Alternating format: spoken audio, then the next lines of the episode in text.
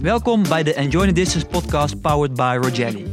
Waarin we op zoek gaan naar allerlei aspecten die een bijdrage leveren aan het genieten van de afstand. Dit doen we aan de hand van inspirerende gesprekken, leuke gasten en actuele onderwerpen. Leuk dat jullie luisteren naar de eerste aflevering van de Enjoy the Distance podcast. Mijn naam is Melvin Wachtmans en ik ben de, de host van de podcast. En we gaan het vandaag hebben over een, eh, een vrij actueel onderwerp in, uh, in Nederland. En dat is uh, balans in het leven. Het is namelijk zo dat er al ongeveer 1,3 miljoen mensen met burn-out klachten thuis zitten. Of uh, burn-out klachten ervaren. Uh, social media legt een bepaalde druk op.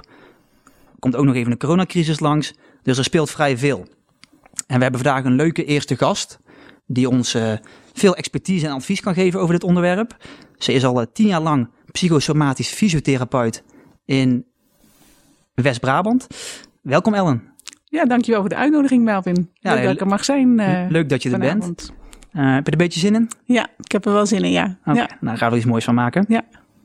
Mijn eerste vraag is eigenlijk, hoe kan het zo zijn dat er zoveel mensen in Nederland met stress, stressgerelateerde of burn-out klachten uh, in, ja, aanwezig zijn? Ja, daar is niet echt één antwoord op te geven, denk ik. Hè, want stress is voor iedereen verschillend. Um, en heel veel mensen denken bij stress aan uh, hele grote dingen, hè, zoals overlijden of verhuizingen of uh, scheidingen. Um, maar het gaat eigenlijk met name om de alledaagse stress. Dus de daily hassles, hè, de dagelijkse gebeurtenissen mm-hmm. van uh, werken, kinderen, huishouden, sporten, sociaal. Um, betrokkenheid. Um, dus allerlei dingen die we onszelf opleggen, die we moeten van onszelf.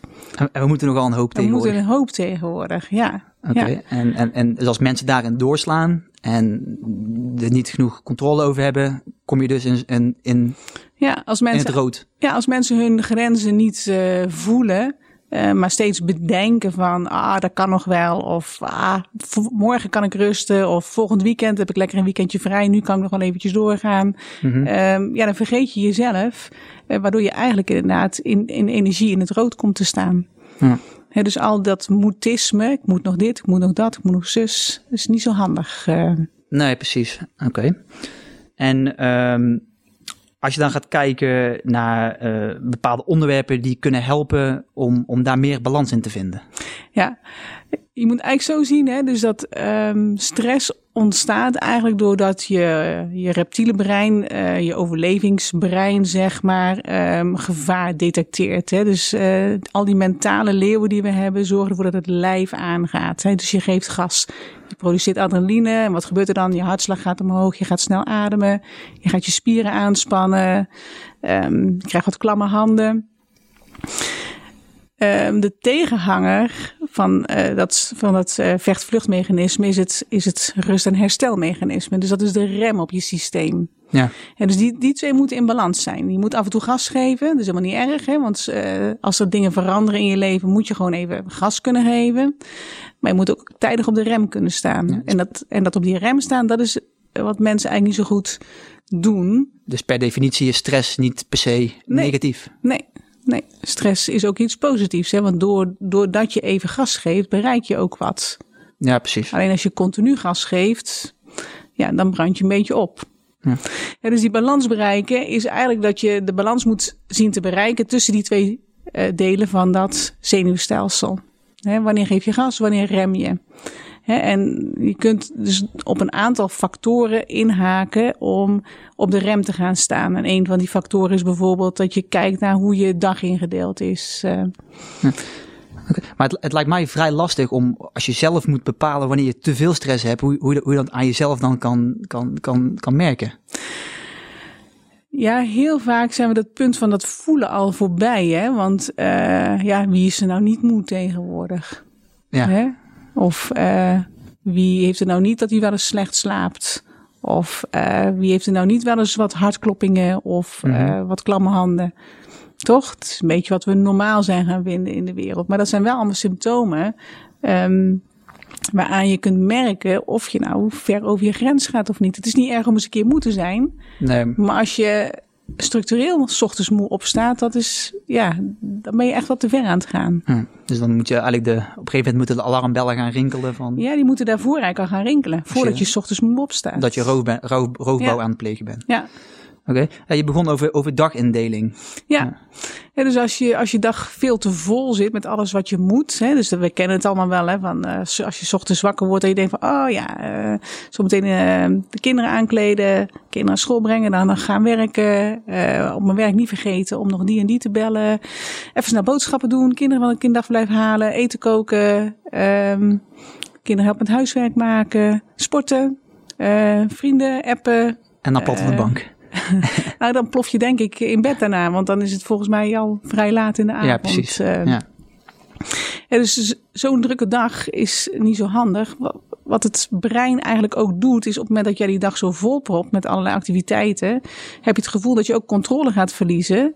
Ehm, dus je gaat nog veel meer dingen in die dag stoppen, omdat je bang bent dat je het anders vergeet of dat je er niet aan toe komt. Eh, wel grappig hoe dat eigenlijk werkt dan, hè? ja, ja, hoe drukker je brein, hoe drukker je je dag gaat maken Ja. ook. Dus je, je kunt eigenlijk het al omdraaien door eens te gaan kijken naar je dag. Van oké, wat moet er nu echt nodig? Eh, en kan ik dat ook skippen of naar een ander moment eh, in de week zetten of, of niet doen? Dus gewoon heel objectief kijken naar je agenda. Eh, Ja, alleen dat is vaak wel een beetje eng. want voor je gevoel, je zit niet voor niets in die situatie. Voor je gevoel kan je niks skippen, want anders komt er niks van terecht. Nee, precies. Hè, wie doet het dan? Ja, als ik het niet doe, wie doet het dan? Ja. Hè, dus zijn we allemaal een beetje bang om eh, controle te verliezen. eh, waardoor we het toch maar blijven doen. ja. En dan kom je in de welbekende red race. Kom je in de red race, ja. Hè? En Oké.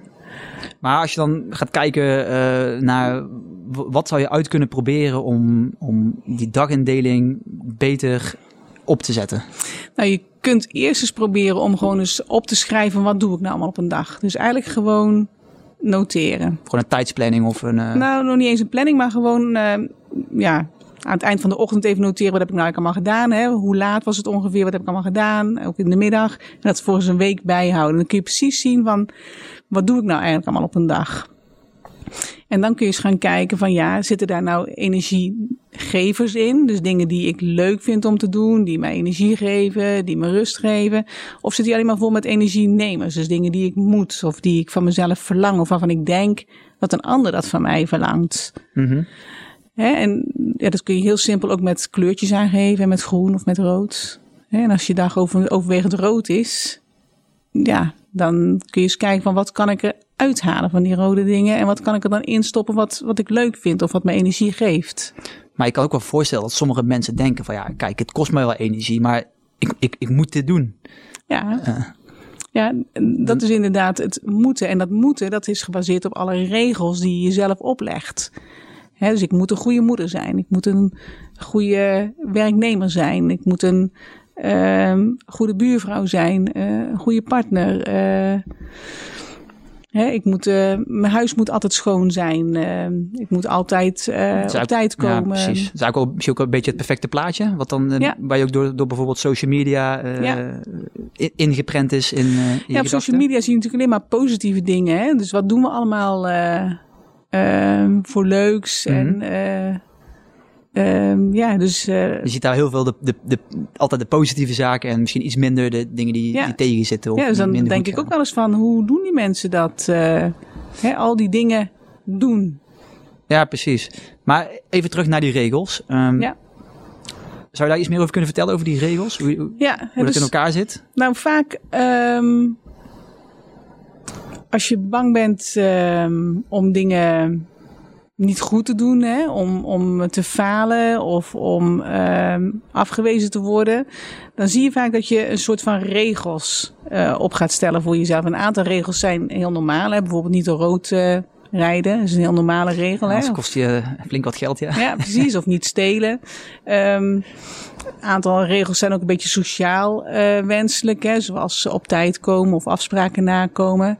Ehm, maar je kunt ook regels opleggen die wat strenger zijn. Bijvoorbeeld, ehm, mijn vloer moet altijd helemaal schoon zijn. Er mag geen vuiltje op liggen. Of ehm, ik moet iedere week mijn ramen zemen. Want anders dan ehm, denken de buren dat ik een vieze huisvrouw ben. Of, uh, en dat soort regels, als je daar heel star in wordt, um, dan krijg je een heel star patroon. Waardoor je eigenlijk weinig regelruimte hebt. En als je geen regelruimte hebt, dan kan er ook niks tussendoor komen. Um, ja, dus ik kan niemand aanbellen van, joh, heb je zin om een kopje koffie te drinken? Want mm -hmm. dan gaat het niet meer, want je hebt daar geen ruimte voor. Nee, Zo straks zit je in je regels. Ja.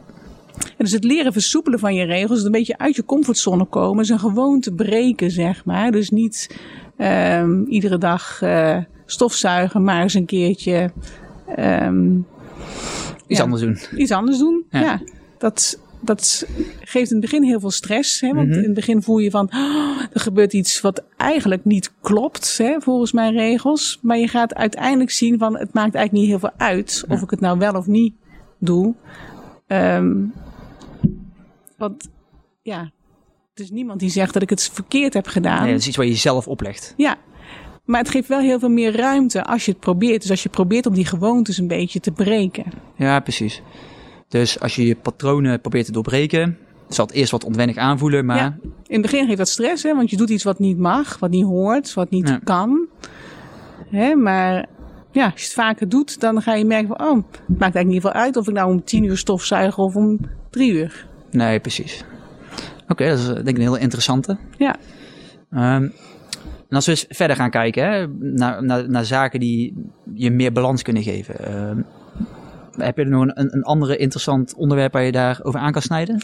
Nou ja, wat ook uh, meer balans kan geven. Dus die regels hebben we net al gehad. Hè, dat zijn een beetje je gedachten. Um, maar wat ook balans kan geven is uh, wat meer lichaamsbewust bezig zijn. Hè? Dus dat je wat meer gaat voelen aan je lichaam. Wat dingen met je doen. Ja, dus als je bijvoorbeeld je lichaam ziet als een huis, hè, dan uh, zijn je voeten en je benen zijn, uh, de fundering. Hè, en je bekken uh, is eigenlijk de begane grond. Je borstkas is de eerste verdieping en je, je hoofd is de zolder. Mm -hmm. Als je altijd maar op zolder leeft, hè, dan verwaarloos je eigenlijk de rest van dat huis. Hè, bovendien kost het heel veel stookkosten om die zolder warm te krijgen. Ja, ja. Dus als je wat meer in je lijf gaat zitten, dus wat meer bewust wordt van je voeten, je benen, je buik, um, dan ga je ook veel makkelijker merken wat dingen met je doen. Ja, precies. Bijvoorbeeld, um, uh, nou, je komt iemand uh, tegen op straat hè, en um, die uh, is boos op jou. En die zegt van, nou, nou, wat je laatst geflikt hebt, vond ik helemaal niet zo leuk. Nou, daar ga je allerlei gedachten over hebben. Die gedachten geven een emotie. En die emotie geeft gedrag. Dus jij denkt van, ah, midden op straat mij zo aanspreken, dat pik ik niet. Jij wordt ook boos. Je gaat een beetje boos terug doen. Maar wat je vergeet, is dat het lichaam ook iets aangeeft. je spant misschien je buik, je gaat misschien fronsen, je gaat misschien wat harder praten. Je spant je keel, je nek. En als je daar niet bewust van bent dat dat lichaam dat doet, dan, dan kun je het ook niet ontspannen. Dus, dus dan kan het best zo zijn dat het lichaam nog steeds gespannen is, ook al is die persoon al een uur weg of zo. En dan ga je die, die negatieve energie ga je opslaan in je, ja. in je lichaam. Ja. Plus je, plus je houdt die spanning vast. En als dat vaak gebeurt en je bent je niet bewust van die spanning in je lichaam, um, dan bouwt dat ook weer spanning op. En, dan denk, hè, en als je dan uh, denkt rustig te zitten, uh, heb je niet in de gaten dat je misschien 20 keer per minuut ademt. Ja. Of dat je je schouders uh, opgetrokken houdt. Hè, of dat je je voorhoofd gefronst houdt. En dan denk je van, waar heb ik dat toch die hoofdpijn van? Uh, ja, precies. Maar dus, hoe, hoe, kun je jezelf er beter bewust van maken dat je uh, bepaalde lichaamsenergie opslaat? Of? Nou, er zijn heel veel oefeningen die je kunt doen hè, om wat meer bewust te worden van je lichaam. dus je kunt, um, ja, um, mindfulness is natuurlijk een hele bekende uh, oefenmethode. Ik denk dat dat voor mij is, ik, zie het, ik, zie, ik doe het zelf ook en ik zie het uh, ook heel veel terugkomen in, uh, op, op, op andere kanalen. Mensen het ook echt aanraden om te gaan doen. Ja. Dus voor mij is het ook vrij populair nu, mindfulness. Ja. En mindfulness is wel, mensen denken vaak van, oh, het is een ontspanningsmethode. maar dat is het juist eigenlijk niet. Hè. Mindfulness is juist meer een methode om meer bewust te worden van je automatische patronen. Uh, en om uit die automatische patronen te komen. En um, eigenlijk wat meer bewust te worden van als je ergens mee zit met een, met een probleem of met een emotie. Ga dan eens naar dat gevoel toe in je lichaam en onderzoek het daar eens. Hè? En dan kom je vaak tot een heel andere uitkomst. dus, dus mindfulness is, is echt wel een, een training uh, waarin je een aantal stappen moet maken. Oké. Ja, wat, wat, ik denk wat heel veel mensen denken en ook zeggen is dat ze het heel zweverig vinden, het mindfulness. Ja, het is een van de meest onderzochte methodes uh, die er is. Juist omdat het zo populair is. En uit uh, functionele MRI's blijkt dat na acht weken echt trainen er een, een, echte verandering in het brein is opgetreden. Er zijn veel stevigere verbindingen gemaakt. Dus het is uh, gewoon bewezen? Het is bewezen effectief, ja. Oké. Ja, het is evidence-based, zoals we zeggen. Ja, ja. ja. Ik denk dat bij heel veel mensen ook gewoon niet bekend is dat dat zo is. Nee, dus. nee. Maar dat komt omdat heel veel mensen kunnen ook niet zo goed voelen. Hè? Dus die liggen, liggen of zitten dan een oefening te doen. En dat hoofd gaat natuurlijk steeds maar door. En dan, dan wordt er gezegd van ja, ga nu naar de tenen van je linkervoet. En je tenen van mijn linkervoet uh, voel ik niet, boeien. Ja, ja. Maar uh, juist wel trainen van het leren voelen van het lichaam geeft een verandering in het brein. En, en het brein is eigenlijk de belangrijkste aansturing mm -hmm. van, uh, van het lichaam. Maar hoe, hoe zou je mensen kunnen uh, overstag kunnen krijgen om, om eens te gaan proberen met mindfulness? Of, of waar zouden ze dan moeten, uh, of waar kunnen ze het gaan proberen? Er zijn vrij veel mindfulness trainers, uh, denk ik. de meeste huisartsen, nou, ik weet niet of de huisartsen nog de trainingen aanbieden. Maar er zijn vrij, vrij veel mindfulness trainers. Uh, maar je moet gewoon eventjes kijken van wat bieden ze. Um, Oké. Okay, dus, en uh, dus daar kun je het navragen. Het? Daar kun je het navragen. En ik gebruik zelfs een, een app. Hoe, denk je daarover? Bepaalde apps?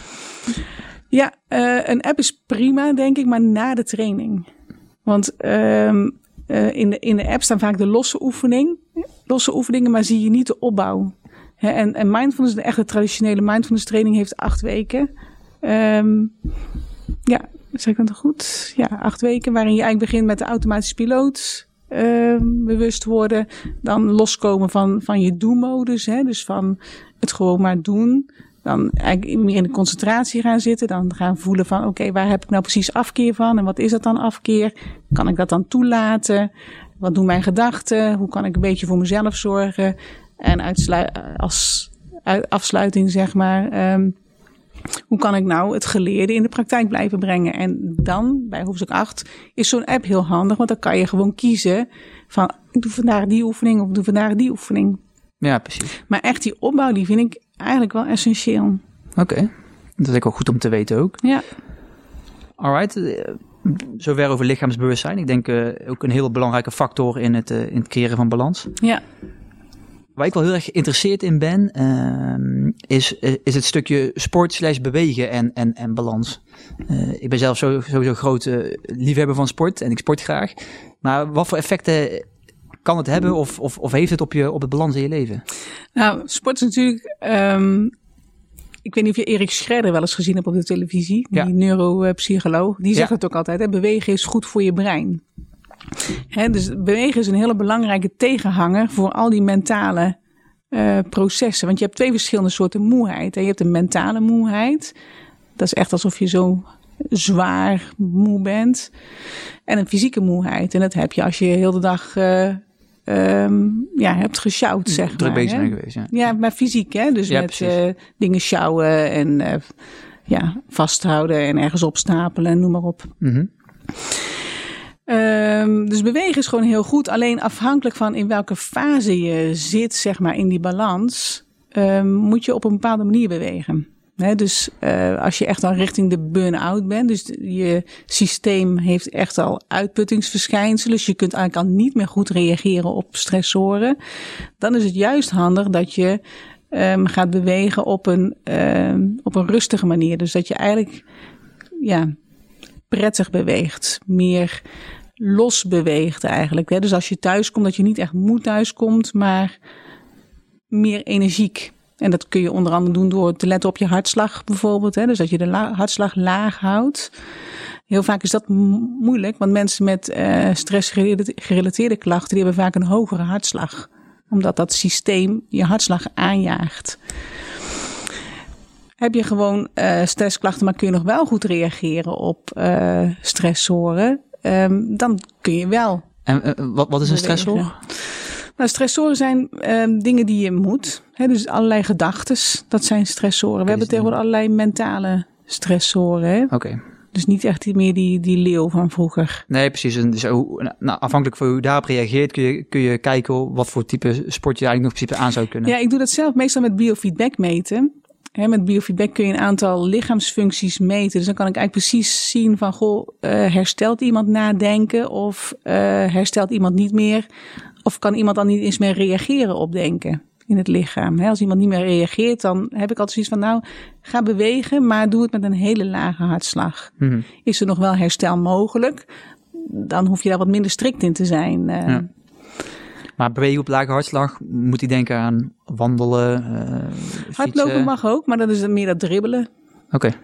Fietsen kan ook, maar gewoon op de racefiets kan ook, maar gewoon rustig fietsen. dus niet proberen ja, wat is snel fietsen op de racefiets? 30 kilometer in een uur 30 is wel, uh, ja, is wel uh, ja, nou, aan, de, aan de hogere snelheid. Ja. Voor sommigen ook niet, maar... Ja, dus, maar ik, ik uh, relateer het meestal aan hartslag. Dat is wat makkelijker. Ja, precies. Dat is wel een goede indicator van... ja, want dat is echt op het lichaam gericht. Kijk, fietsen voor de ene... De ene krijgt een hoge hartslag met 10 km per uur fietsen... en de ander pas met 20 km per uur fietsen. Dus dan is hartslag een hele mooie indicator van... hoe belast ik mijn lichaam nou? Ja, precies. Maar ik, ik heb, mensen kunnen thuis natuurlijk niet zo'n niet zo'n zo'n test doen om te kijken waar, hoe ze reageren. Maar hoe, hoe kunnen ze voor zichzelf dan erachter komen of dat op niveau is of niet? Um, op het moment dat jij thuis komt en je, je moet echt bijkomen, een paar uur bijkomen, ja, dat is gewoon, dan ben je gewoon veel te zwaar bezig geweest. Op het moment dat jij thuis komt en um, je hebt energie, dan is het gewoon goed. Ja, maar kun je bijvoorbeeld eens een paar signalen noemen waar, waar mensen op kunnen, zouden kunnen letten? Nou, als ze thuiskomen dat ze juist geen zin meer hebben om iets te doen na het sporten. Hè, of dat, dat ze juist wel zin hebben. Op het moment dat je geen zin meer hebt om iets te doen, ja, dan ben je gewoon veel te zwaar bezig geweest. Ja. Of op het moment dat je merkt dat je nog slechter gaat slapen. Um, ondanks het sporten. Of op het moment dat je merkt um, dat je um, nog sneller geïrriteerd raakt of nog sneller emotioneel raakt. Uh, ondanks het sporten.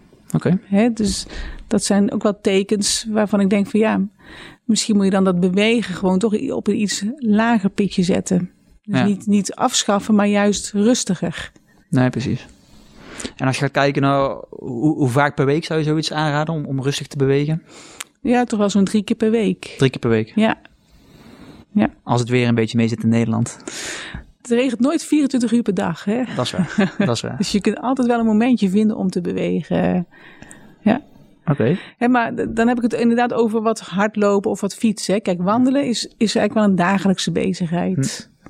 Ja, dus iedere dag echt eventjes een uh, half uurtje naar buiten. Je kunt tegenwoordig ook heel gauw goed je stappen bijhouden. Hè? De meeste mensen hebben wel zo'n Fitbit. Ja, en de norm eigenlijk voor uh, gezond bewegen is 10.000 stappen per dag. 10.000 stappen per dag. Dat is echt veel. Ja, ik, als ik kijk naar mijn eigen situatie, als je een kantoorbaan hebt, is het denk ja. ik vrij lastig om, uh, om, om daar aan te komen. Ja, dan zul je inderdaad of voor je werk of na je werk um, iets extra's. Extra moeten stappen. Kunnen doen, moeten doen, ja. Oké, okay. dus eigenlijk elke dag 10.000 stappen. Gemiddeld, hè? Gemiddeld. Dus het ja. kan zijn de ene dag is dat er 7 en de andere dag is het dan uh, 13.000 of zo. Maar heb je dan gewoon een basisbehoefte om, om, om, om elke dag te bewegen en dan ongeveer twee, drie keer per week zou je aanraden? Iets extra's. Om, extra's. Ja. Oké. Okay. Ja. Ook een hele interessante, heel interessant onderdeel, denk ik, uh, met betrekking tot balans. Um, wat ik ook nog afvroeg is qua voeding. Um, ik vind voeding is ook vrij, vrij lastig onderwerp voor heel veel mensen. Uh, ja. Iedereen kent het, uh, wat gaan we eten? Of dat je elke keer hetzelfde eet. Maar hoe, wat, is de, wat voor effect heeft voeding op, op het dagelijks leven? Ja, ik ben geen voedingsdeskundige. Dus dat, dat zeg ik ook altijd tegen mensen. Je hoeft voor mij geen dieet te houden. Maar probeer wel regelmatig te eten. En probeer ook um, zo gezond mogelijk te eten. Hè, wat je hoort tegenwoordig. Hè. Dus gewoon groenten. Um, ja, gezond, gezond eten. Uh, heel veel mensen eten tegenwoordig uh, koolhydraatarm. Ja, ik ben geen diëtist, dus ik, ik weet niet zo heel goed de effecten daarvan. Maar ik denk als je gewoon, net zoals vroeger de schijf van vijf had, je ontbijt, je lunch, je eet s'avonds um, eten. Je snackt tussendoor niet, je snoept niet te veel, niet te veel suikers, want suikers maken je brein weer wat drukker. Dan denk ik dat je al goed op weg bent. Maken suikers je brein drukker? Ja. Oké. Je brein uh, werkt op glucose. Mm dus hoe meer glucose jij inneemt, hoe drukker het hoofd wordt. Dus als je s'avonds denkt lekker op de bank te, te ploffen met een Netflixje en een, uh, een lekker schaaltje M&M's, dan is eigenlijk kun je het beter niet doen. Tenminste, de M&M's dan. wel, maar je moet het niet, niet iedere dag doen, denk ik. Ja, dus dat, ook dat geldt voor alles. Hè? Ja. Te is nooit goed. Dus als jij zegt van, eh, nou ik neem nou lekker uh, een paar stukjes chocola, prima. Als je iedere dag gewoon een paar stukjes chocola neemt, uh, dat is niet zo handig, denk ik. Nee, precies. Oké. En qua groente en fruit? Heb je, Nee, daar moet je echt een voedingsdeskundige voor vragen. Dat weet ik eigenlijk niet. Oké, oké, okay, helder. Dus... Um, heb je zelf nog een ander onderwerp waar je, waar je, waar je, nou, waar je denkt dat, echt, dat, dat de luisteraars... Slaap. Uh... slaap is denk ik ook heel belangrijk. Um, je ziet vaak als mensen niet in balans zijn, dat, dat slaap een probleem wordt. En dan denken veel mensen slecht slapen. Maar je hebt ook een aantal mensen die te veel gaan slapen. En die zo moe zijn dat ze eigenlijk alleen nog maar meer willen slapen.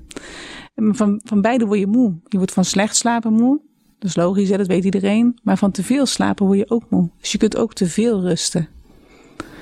Oké, en, en een bepaald gemiddelde aantal, ik, ik probeer zelf tot acht uur te halen. Ja, zeven, acht uur is prima. Okay. En uh, slaap wordt heel erg bepaald door, uh, door de drukte in je hoofd. Hè? Op het moment dat de druk is in je hoofd, um, kun je vaak moeilijker slapen. Hè? Er zijn mensen vaak straks om een uur of drie wakker en dan staan ze aan. Ja, dus dat bekende malen, uh, dat je nog ja. dit moet doen, dat moet doen, zus moet doen. Ja, heel veel mensen herkennen ook niet dat ze denken dan. Uh, want heel veel mensen zeggen dan van ja, maar ik denk helemaal niks. Um, en dat is dan ook wel weer uh, interessant, want dan zijn gedachten zo gewoon geworden voor mensen dat ze het niet eens meer herkennen als denken. Hè, mensen uh, denken vaak dat piekeren denken is, maar dat is niet zo. Gewoon denken als van, oh, wat zou ik vandaag eens aandoen? Uh, zou ik dit aan doen of dat? Dat is ook al denken. Hè? Mm -hmm. We hebben zo'n 40.000 gedachten per dag, geloof ik. Uh, dat zijn er nog een hoop, ja. Ja, dat zijn er veel, hè? Ja. Maar dus mensen hebben niet door dat ze aan het uh, denken zijn. Aan het denken zijn. En dat kan bijvoorbeeld als je in bed ligt, kan het dan een negatief effect hebben over ja, het in slaap komen. Ja, ja over, over doorslapen. Ja. Maar als mensen het niet meer zelf in de gaten hebben, hoe, hoe, zouden ze weer dat, dat dan op, ja, wel weer door kunnen hebben? Um, eigenlijk door lichaamsgerichte oefeningen te doen. Want daarmee ga je herkennen dat je afgeleid wordt door gedachten. En dat je ook weer terug kunt proberen te gaan naar het lichaam. En dat gaat op een gegeven moment wat meer rust geven. En dan, en dan ga je eerder doorkrijgen dat ja. je uh, zo druk in je hoofd was. Ja, ja. Okay. Of inderdaad eens bewust worden uh, s'avonds van oké, okay, um, wat houdt me nu bezig? Dat je ja. dat ook eens opschrijft.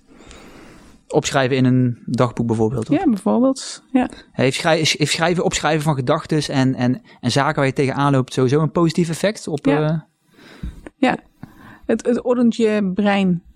He, je, zeker als je het ook nog eens met de hand opschrijft, want de motorische beweging uh, die doet iets in je motorische brein, mm -hmm. uh, waardoor sowieso um, er iets verandert in het emotionele systeem. Dus het geven van woorden aan wat je denkt, geeft gewoon meer rust in je brein. En dat zou je dan één keer per dag moeten opschrijven of, of heel de dag door? Ja. Oké. Okay. Het is, je moet een beetje denken aan, uh, aan vroeger als je een, een, een dagboek bij moet houden. Oké, okay. is wel een goede om, uh, om te proberen. Ja. Ja, en te veel slapen, dat is ook nog wel een belangrijke. Want heel veel mensen zeggen, ja, maar ik ben zo moe, ik, ik moet echt uitslapen s ochtends. Hè? Maar als je dat gaat doen, je gaat eigenlijk je, je bioritme um, veranderen. Hè? Dus door te lang in bed te liggen, uh, duurt het ook veel langer eer je een stukje slaapschuld hebt opgebouwd, waardoor je s'avonds ook weer minder makkelijk in slaap gaat vallen. Dus ook als je overdag slaapt, uh, breek je eigenlijk je slaapschuld af. Dus wat je beter kunt doen als je toch even wil slapen overdag, is dat je zo'n powernap, een powernapje neemt van ongeveer 20 minuten. Dat kan geen kwaad voor je ritme. En waarom zou een powernap geen kwaad kunnen? Ja, dat is onderzocht. Um, ik weet niet wat het mechanisme erachter is, maar als je 20 minuten slaapt, dat, dat blijkt dat je dus niet af, uh, geen afbreuk doet aan je slaapschuld. Oké. Dus als mensen uh, moe zijn, kunnen ze beter gewoon dagelijkse ritme pakken qua slapen. En dan een powernap doen om, om, om, bij te rusten. Eventueel, of bewegen.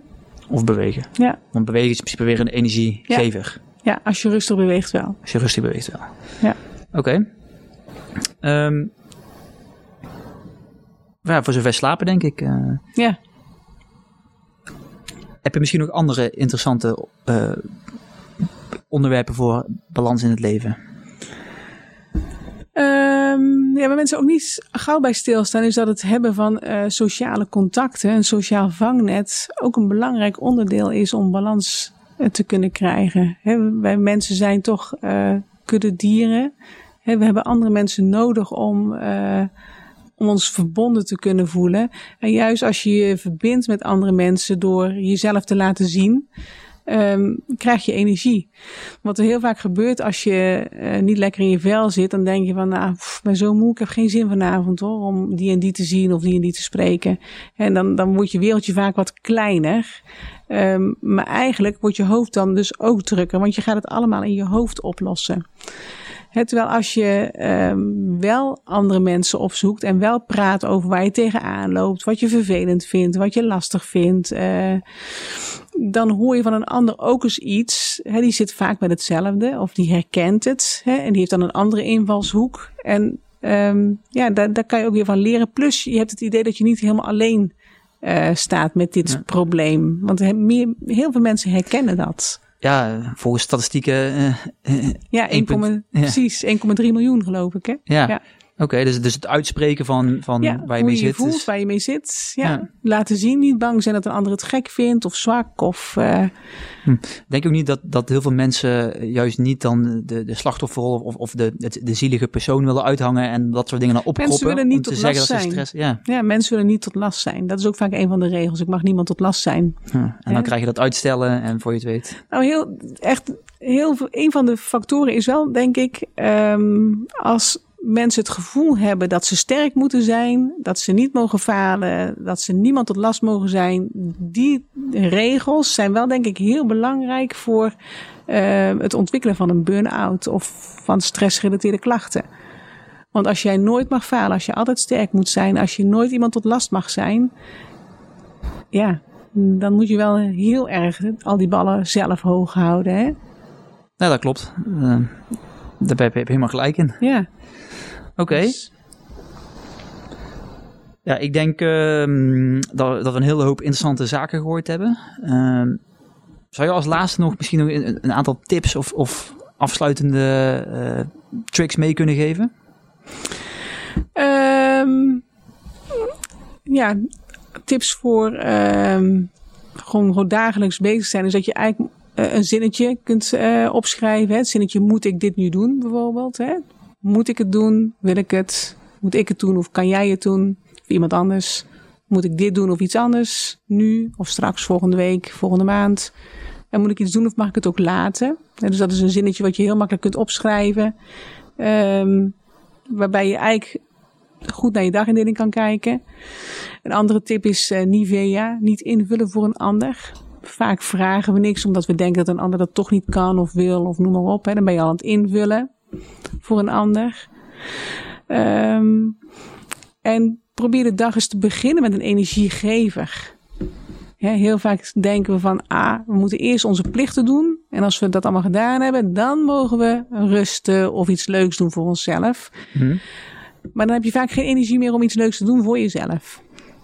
Dus als je de dag begint uh, met iets wat je leuk vindt of wat jou energie geeft, dan heb je vaak al een energiebuffer opgebouwd voor de dingen die je nog moet doen. Zou je ook aanraden om, om ochtends uh, te bewegen of ja, te sporten? Ik, ik loop zelf hard ochtends uh, voor mijn werk, twee ochtenden in de week. Ik denk dat veel mensen ook denken dat dat dan juist te intensief is als je. Nee, dat is juist niet. Want het geeft juist de het energie. geeft juist energie. Je bent veel fitter in de dag als je voordat je gaat werken beweegt. Dat is denk ik wel een heel interessante eh, invalshoek voor je, Ja. hoe je het kan bekijken. Ja. Oké, dus ehm, bewegen, Nivea, Moet ik dit nu doen? moet ik dit nu doen? Nou, dat zijn denk ik al drie goede tips waar, waar, waar je naar zou kunnen kijken. Ja. Alright, ik denk dat we eh, ja, heel, heel wat interessante inzichten hebben gehad, eh, deze podcast. En eh, ik wil eigenlijk heel erg bedanken voor jouw kennis en eh, voor, de, voor de tips die je gegeven hebt. Eh, en leuk dat je onze eerste gast was. Ja, nou, heel erg bedankt voor de uitnodiging. Ik vond het echt leuk. Ik voelde me heel vereerd. nou, graag gedaan. Dankjewel. En succes verder met de volgende afleveringen. Dankjewel. Bedankt voor het luisteren naar onze Enjoy the Distance podcast powered by Rogelli. Wil je nu meer afleveringen luisteren? Abonneer je dan op onze podcast via Spotify of iTunes. Voor meer inspiratie en motivatie of onze podcast ga naar www.rogelli.com. Laat me ook weten wat je van deze podcast vindt en welke onderwerpen jij graag zou willen horen. Dit kan je doen via een van onze socials: Instagram, Facebook, Twitter of LinkedIn. Ik hoop je snel weer hier terug te zien. Enjoy the distance.